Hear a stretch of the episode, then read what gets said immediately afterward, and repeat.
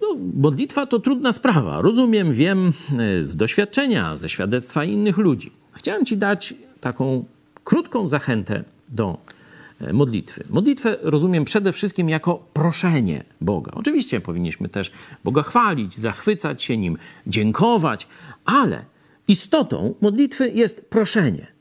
Wtedy uznajemy swoją jakąś mm, niemoc czy, czy niewystarczalność, no i potęgę Boga, Jego wszechmoc i troskę i miłość. On nas mówi: Boże, pomóż mi w tym i w tym. Boże, daj mi to i to. Nie? No, oczywiście modlimy się wtedy, kiedy tego potrzebujemy. Wtedy prosimy o coś Boga.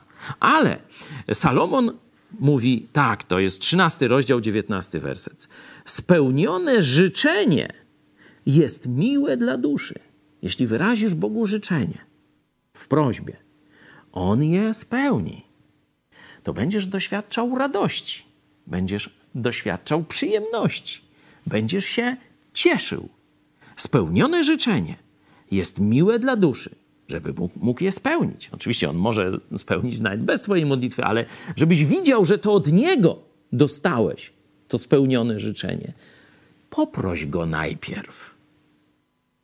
Dlatego zachęcam Cię, jeśli Ci na czymś zależy, czegoś szukasz, do czegoś dążysz, o czymś marzysz, rozmawiaj o tym z Jezusem. Powiedz Mu, że tego chcesz. Tylko bądź konkretny.